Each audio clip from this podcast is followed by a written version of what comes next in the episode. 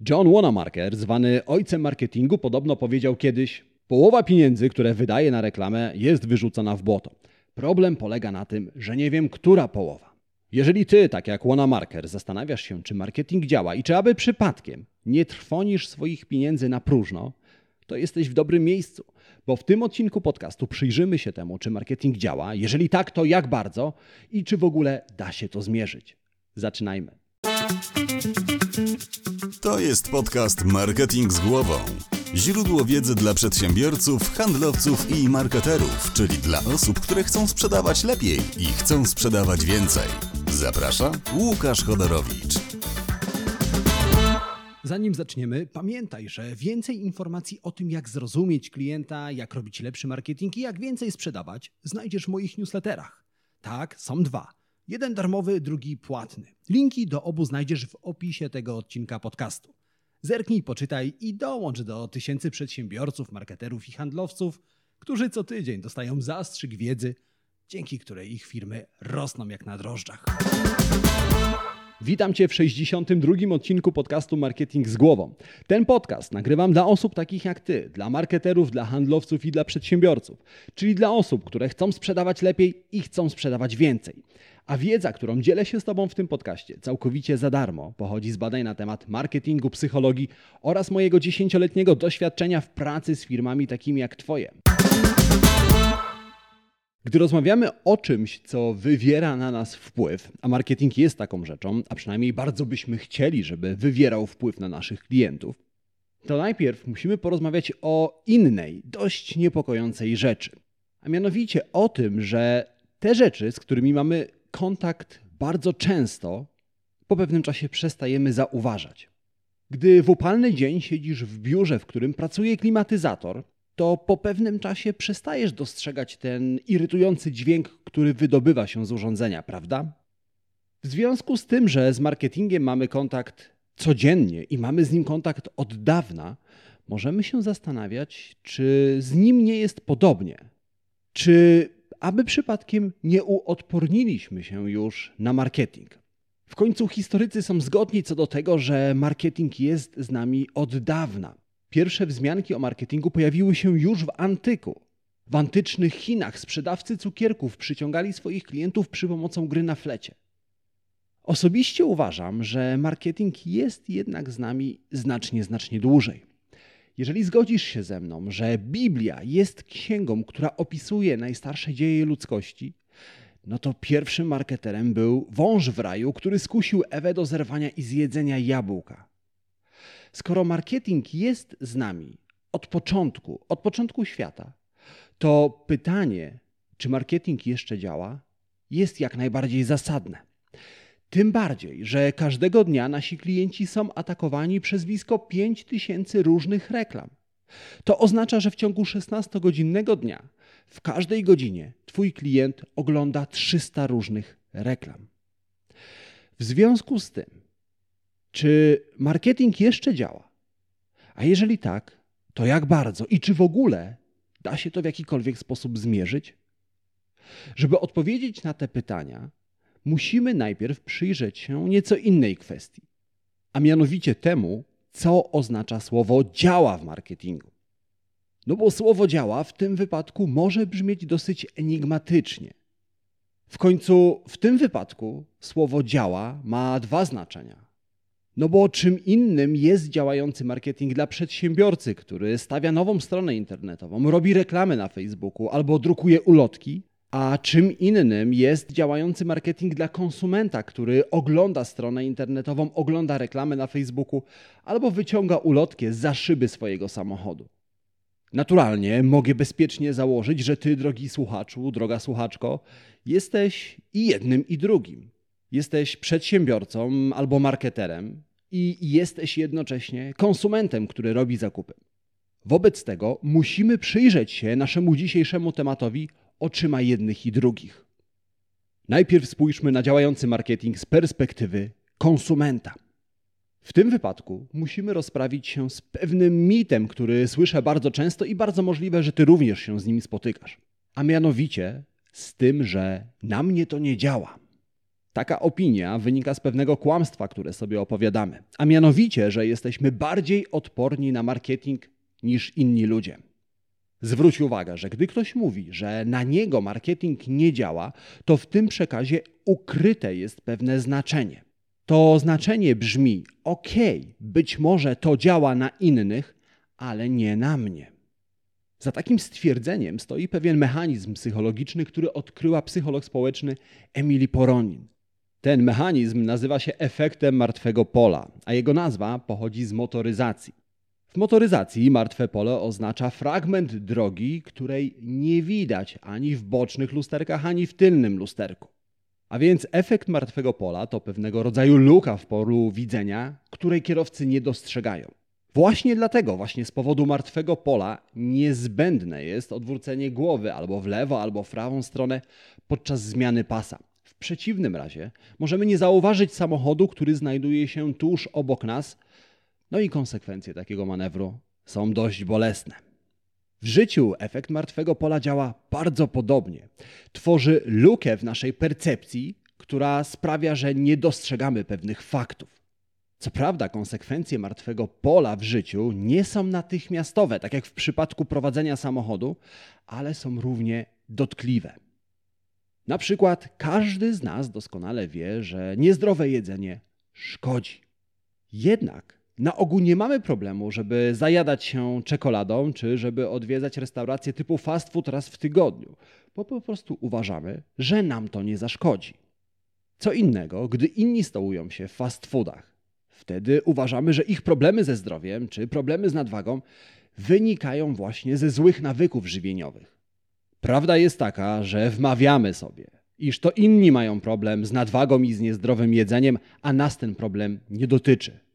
W tym samym momencie sami nie zauważamy, że przybraliśmy kilka nadmiarowych kilogramów tu i ówdzie, a spodnie, które jeszcze w zeszłym miesiącu pasowały jak ulał, teraz tak jakby się skurczyły. Innym razem uważamy, że nie musimy kupować ubezpieczenia na życie. W końcu wypadki zdarzają się innym, nie nam. Ta lista mogłaby się ciągnąć w nieskończoność. Jednak chcę, abyś zrozumiał, że na ogół postrzegamy siebie inaczej niż innych.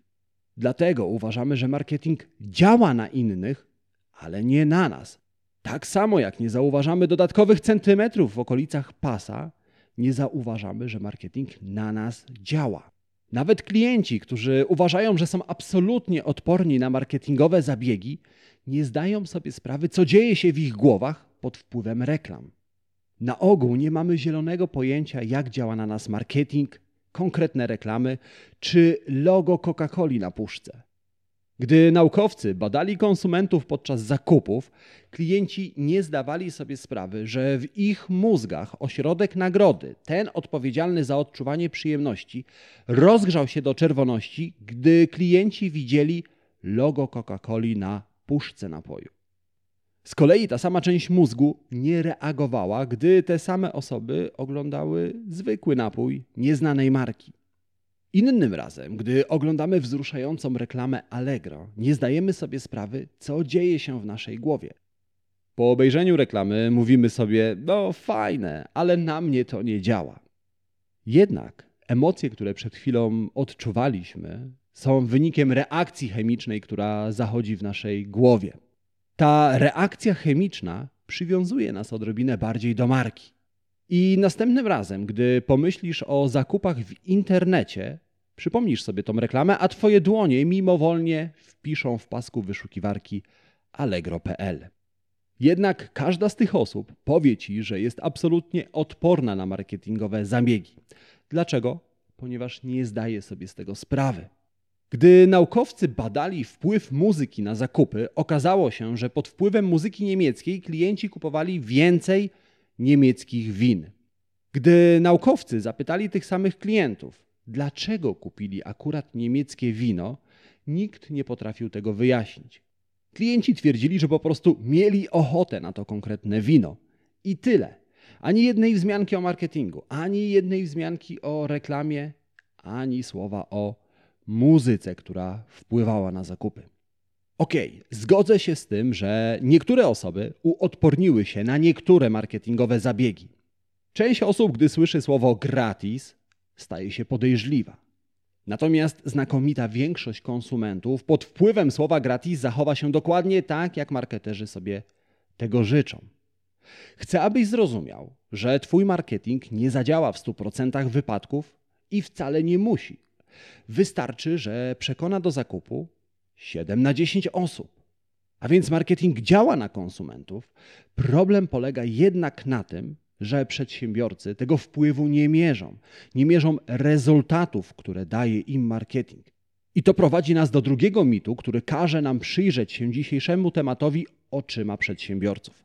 Ten drugi mit brzmi: robiłem marketing, ale on nie działa. Skoro chcesz wiedzieć, czy Twój marketing działa, musisz wiedzieć, co marketing może zrobić dla Twojej firmy, dla Twojego produktu i dla Ciebie.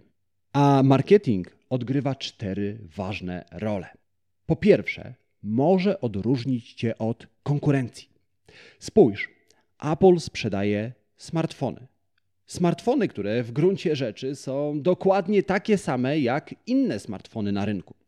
Możesz przez nie dzwonić, możesz przez nie wysyłać maile, wiadomości, możesz na nich instalować aplikacje. A więc w gruncie rzeczy, w gruncie swoich podstawowych funkcjonalności, iPhone nie różni się niczym od Samsunga. Jednak marketing Apple'a spowodował, że ludzie ustawiają się w długich kolejkach, w których czekają przez cały dzień po to, żeby wydać całą swoją pensję na nowego iPhone'a. Apple swoim marketingiem sprawiło, że ludzie uwierzyli, że iPhone jest wyjątkowym smartfonem i dzięki iPhone'owi w kieszeni sami mogą stać się wyjątkowi. Drugą rolą, którą odgrywa marketing, jest nadawanie wartości. Produkt, usługa bez marketingu jest niewiele warta, a przynajmniej znacznie mniej niż mogłaby być, gdybyśmy dołożyli do niej marketing. Jakiś czas temu dwoje naukowców, Joshua Glenn i Rob Walker, przeprowadzili eksperyment. Na garażowych wyprzedażach kupili około 200 z pozoru bezwartościowych przedmiotów. Figurę przypominającą głowę konia, starą poduszkę, dziadka do orzechów. Za te przedmioty zapłacili około 200 dolarów, a więc średnio dolara za sztukę.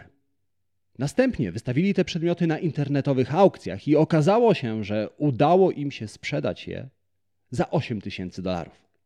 200 dolarów w zakupie, 8 tysięcy dolarów w sprzedaży. Z czego wynika ta różnica? Z marketingu. Naukowcy do każdego przedmiotu ułożyli historię i dzięki historiom figura przypominająca głowę konia stała się pamiątką po niedawno zmarłym dziecku. Stara poduszka stała się symbolem utraconej miłości, a dziadek do orzechów był symbolem podróży dookoła świata.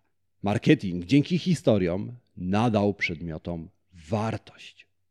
Gdy już uda Ci się zbudować wartość Twojego produktu, marketing pomoże Ci przywiązać Twój produkt do potrzeby Twojego klienta.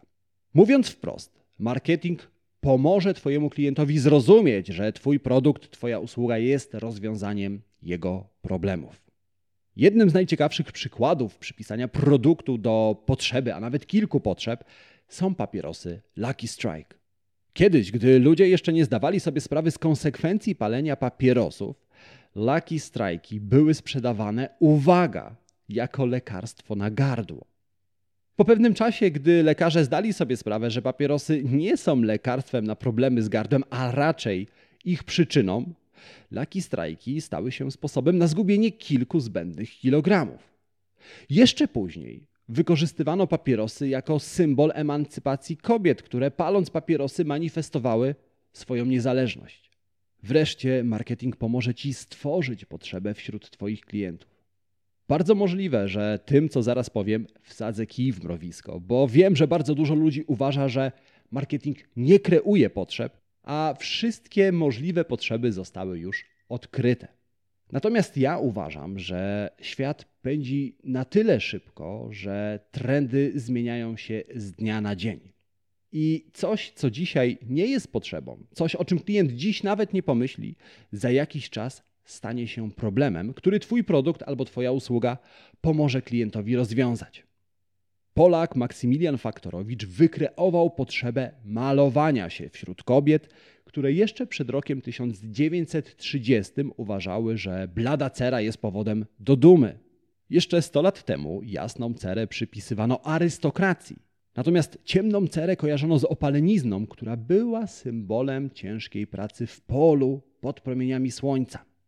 Faktorowicz jednak przekonał kobiety, że twarz jest asymetryczna, że prawa strona nie równa się lewej, a lewa strona nie jest taka sama jak prawa. A te niedoskonałości najlepiej zniwelować, malując się.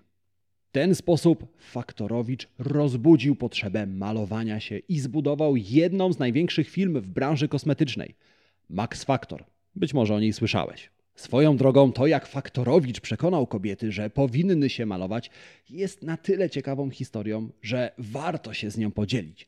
Jeżeli chciałbyś ją usłyszeć, daj mi znać. Napisz do mnie na mzg.łukaszchodorowicz.pl. MZG to skrót od pierwszych liter marketing z głową. W każdym razie marketing pomoże Ci osiągnąć cztery rzeczy. Odróżni Cię od konkurencji, nada wartość Twojemu produktowi, przywiąże Twój produkt do konkretnej potrzeby albo wykreuje potrzebę. Powinieneś wybrać jedną z tych rzeczy i uczynić z niej swój marketingowy cel. Gdy to zrobisz, okaże się, że jesteś już dalej aniżeli połowa przedsiębiorców na świecie, którzy wcale nie ustalają swoich marketingowych celów. No ale marketingowy cel to za mało, żeby określić, czy Twój marketing działa, czy nie. Bądź co bądź, odróżnienie Cię od konkurencji, nadanie wartości Twojemu produktowi, znalezienie potrzeby, którą Twój produkt może zaspokoić, czy wykreowanie potrzeby, to dość abstrakcyjne cele, którym trzeba nadać wymienną wartość. Trzeba znaleźć metrykę, która pomoże nam zmierzyć, czy udało Ci się dotrzeć do tego celu. Załóżmy, że uruchomiłeś nową stronę internetową, która ma przyciągnąć do Twojej firmy więcej klientów i która ma spowodować, że klienci częściej wyślą zapytanie przez tą stronę internetową. W tym wypadku oczywistą metryką jest ilość zapytań ze strony internetowej. Ale nie tylko. Bo jeżeli mierzysz tylko ilość zapytań albo ilość telefonów ze strony internetowej, no to może okazać się, że błądzisz na ślepo. Co jeśli okaże się, że ludzie trafiają na Twoją stronę internetową, ale zamykają ją natychmiast po otwarciu? Albo co jeżeli trafiają do zakładki kontakt, ale nikt nie wysyła zapytania przez formularz albo nie klika na numer telefonu na stronie internetowej? Rzecz jasna, w obu wypadkach nie udało Ci się dotrzeć do celu, nie udało Ci się zrealizować swojego marketingowego celu, ale w obu wypadkach powód może być inny pierwszym przypadku może się okazać, że źle dobrałeś słowa kluczowe. Jeżeli klient po wpisaniu w wyszukiwarkę słowa dieta trafia na Twoją stronę internetową, ale Ty jesteś siłownią, to gdy internauta zobaczy zdjęcie sztangi, natychmiast zamknie stronę. W drugim wypadku problemem może być zbyt skomplikowana nawigacja na stronie internetowej albo sam formularz kontaktowy. W tym wypadku masz problem z designem. Dlatego oprócz wyniku docelowego powinieneś mierzyć również wyniki pośrednie. W przypadku nowej strony internetowej powinieneś mierzyć wejścia na stronę, współczynnik odrzuceń, czyli to, jak często ludzie zamykają Twoją stronę tuż po jej otwarciu, albo przejścia do zakładki Kontakt.